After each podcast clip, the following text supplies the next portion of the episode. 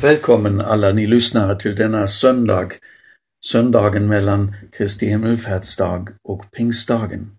En väntans söndag skulle vi kunna säga. Evangelisten Lukas är ganska fåordig när han sammanfattar i Apostlärningar i första kapitlet där situationen efter att Jesus lämnade lärjungarna för att återvända till Fadern. Jag läser från folkbibelns översättning och börjar i vers 12. Då vände de tillbaka till Jerusalem från berget som kallas Olivberget och ligger nära staden, en sabbatsväg därifrån. När de kom dit gick de upp till den sal på övervåningen där de brukade vara. Petrus, Johannes, Jakob, Andreas, Filippus, Thomas, Bartolomeus, Matteus, Jakob Alfeus son, Simon Seloten och Judas, Jakobs son. Alla dessa höll enigt ut i bön tillsammans med några kvinnor, Jesu mor Maria och hans bröder. I slutet av själva Lukas evangeliet skrev Lukas att lärjungarna återvände till Jerusalem i stor glädje. Kanske upplevde de hela händelsen på Oljeberget också som en slags namnteckning under orden som Jesus uttalade på korset. Det är fullbordat. Nu hade liksom slutpunkten satts. Då förstod de inte, men när Jesus visade sig för dem efter uppståndelsen öppnade han också deras sinnen så att de förstod skrifterna. Så skriver Lukas i 24 kapitlet och han undervisade och förklarade för dem utifrån allt det som vi har som Gamla testamentet i våra biblar. Det märkliga upplyftandet till himlen var för lärjungarna ännu ett tecken på att Jesus är Messias. Som ett sigill på ett viktigt dokument som bekräftar äktheten. Jag känner mig manad till en liten återkoppling till Kristi himmelfärdsdagens tankar som jag vill flika in här. Festen i himlen, som jag försökte antyda lite förenklat med mänskliga föreställningar. Den festens rubrik var knappast Skönt att du är tillbaka Jesus, vi har väntat på dig. Utan den handlade om den oerhörda segern som Jesus vunnit över alla mörkrets makter genom sin offerdöd. Festsången handlade om det fullbordade livsuppdraget med vilket han skapade frid mellan människor och Gudfadern.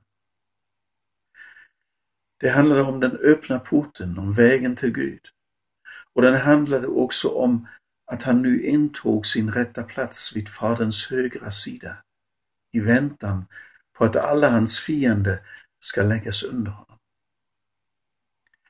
Denna tankegång är kanske ovan för oss, men så beskriver både gamla och nya testamentet det som skedde och ska ske. Festen fortgår med ett evigt lov och tack och tillbedjan av Jesus, som både det slaktade lammet och som Herre över allting. Sådan är vår Herre. Och sådan besjunger vi honom när vi stämmer upp i Pelle Karlssons Han är Herre, Jesus är Herre, till exempel. Men tillbaka till de elva lärjungarna. Det var alltså med glädje de återvände till Jerusalem. Det kunde, ja det borde varit annorlunda. För Jerusalem med sina gränder och sitt människomuller, med översteprästerna som hade deras egen lilla vakt, tempelvakterna. Allt det betydde också tillbaka till fienderna, till det osäkra, otrygga. Men det begav sig till en väldigt speciell plats, nämligen salen på övervåningen. Salen dit de hade flytt i sin rädsla och förtvivlan och besvikelse 43 dagar tidigare. Då när de såg sin mästare spikas fast på korset och deras svärd rasade ihop för dem. Det var platsen där Jesus hade givit ett nytt innehåll åt påskfirandet. Häpna hade de då hört hans ord. Brödet, det är min kropp som blir utgiven för er. Vinet, det är mitt blod som utgjuts för er.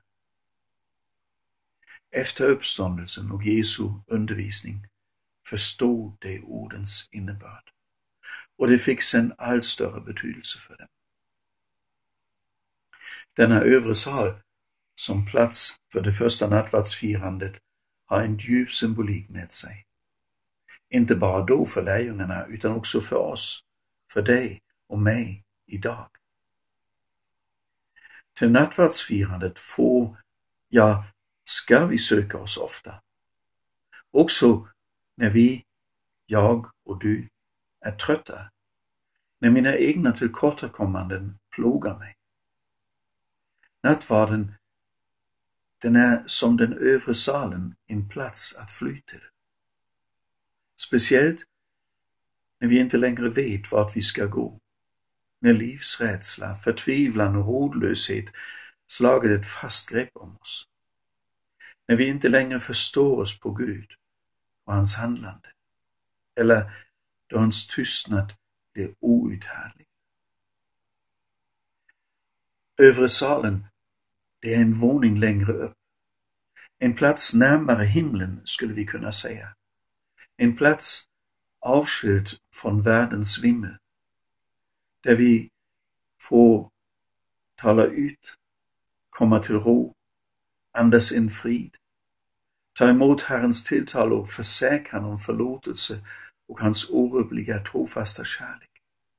Alla obesvarade frågor till trots kanske. Där får vi smaka på det mysterium som har burit och skänkt tröst åt människor, ibland under de svåraste tänkbara omständigheter. Om den lilla skaran anhängare redan då, i väntan på den heliga Ande, firade nattvarden, det vet vi inte. Men jag kan, jag kan gott tänka mig att det fanns en trevande början under dessa väntans dagar fram till pingst. Efter den dagen blev det en höjdpunkt i deras dagliga samvaro. En enda stor tacksägelsegudstjänst, eukaristi kallas det också, fylld med tack och lov och jubel till Herren. Med fokus helt på honom, allt det han gjort och ständigt skänka på nytt förlåtelsen och nåden och Guds ständiga välsignelse och omsorg för våra dagliga behov. Lukas nämna de enskilda lärjungarna vid namn. Det får mig att stanna upp. För det ena hans uppräkning för mig en påminnelse. Att du och jag är kända av Gud, var och en av oss. Du och jag är sedda av honom, kallade vid våra namn. Du och jag är inte en grå massa, ett nummer i ett torrt register. Det är inte som en from man brukade säga i sin förbön i församlingen, ingen nämnd och ingen glömd, utan Fadern ser oss som enskilda individer, var och en med sin unika personlighet. Vilken trygghet! Kolla efter i psalm 139 till exempel. För det andra påminns jag om lärjungarnas och därmed om våra olikheter. Några av lärjungarna vet vi mycket om, andra mindre. Någon homogen grupp var det inte, långt ifrån. Egentligen ganska lik vår församling. En älskade fisk, den andra lamm. En höll på Kanaans fotbollslag, en annan tyckte idrott är pyton. En hade stort politiskt engagemang i sin ryggsäck. En annan mådde dåligt vid bara tanken. En älskade rock, en annan tyckte att bara klassisk musik är värd att lyssna på. Och så vidare och så vidare. Det är andra, det är, förlåt, det är ändå de små sakerna. En var ettrig. En hade en alltför mild natur. En var introvert, en annan extrovert. En var jobbig pessimist, en annan oförbätterlig optimist. En stod gärna längst fram, den andra ville stå i bakgrunden. En var högljudd agitator. En annan hittade aldrig ord, men älskade såg och hammare. Listan kan göras hur lång som helst. Åldersskillnader är inte att förglömma. Vi vet allt för väl hur våra olikheter kan ställa till det för oss. Lukas räknar upp de elva plus några kvinnor. Troligtvis några av dem som nämns tidigare som efterföljare till Jesus. Och så följer i hans uppräkning Jesu mor Maria, som varit med längst. Och även hans bröder, vars förakt hade förbytts i ödmjuk tro. Det är en träffande beskrivning av hur en församling är sammansatt. Levande stenar i ett levande pågående bygge.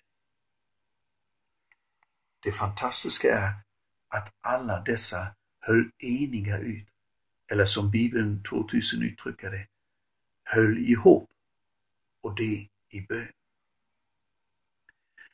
Bibelläraren Erik Bernspång säger så här, citat. Säger inte allt detta oss att Jesu kors och uppståndelse för eller leder människor in i en gemenskap som trotsar all oenighet som beror på temperament.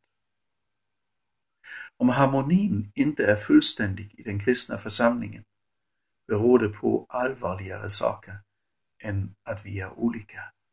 Slutcitat. Det är en djup sanning i orden. För den gemenskapen som har Jesus som grund, som hörnsten och som behåller blicken fäst på honom, den gemenskapen kan bära alla dessa olikheter. En sådan gemenskap hämtar nytt mod när något börjat skava och blivit fel. Den får ny kraft att börja om i förlåtelsen, i medvetenheten om att vi alla är älskade och benådade, att vi alla är på väg. Det är ett starkt vittnesbörd, ja ett ljus i denna värld, när vi med Andens hjälp får leva så. Lätt? Nej, det är det inte. Och till stundom riktigt jobbigt, när Gud håller på att slipa till mig. Det kan svida till i både mina inre ögon och i hjärtat. Någon har uttryckt det ganska drastiskt, men ändå med den hoppfulla glimten i ögat. Så här sa han. Trodde att livet blev problemlöst när jag blev kristen. Hade få problem innan, men många nu. Framför allt med mig själv. Ja, så kan det vara. Så kan det kännas. Tillsammans höll de inte bara ihop utan höll ut i bön. Mitt i Jerusalem, omgivna av människor som ännu inte fattade vad de sysslade med. Bland vilka det fanns sådana som var den farlig illasinnade. Som lamm bland vargar, så hade Jesus sagt förberett dem. Och nu alltså förenade i bön. Bön som betyder så mycket, speciellt i situationer då man känner sig trängd. Och så var det ju för dem. Förenade i en gemenskap som väntade på denna godfulla hjälpare som de bara visste så lite om.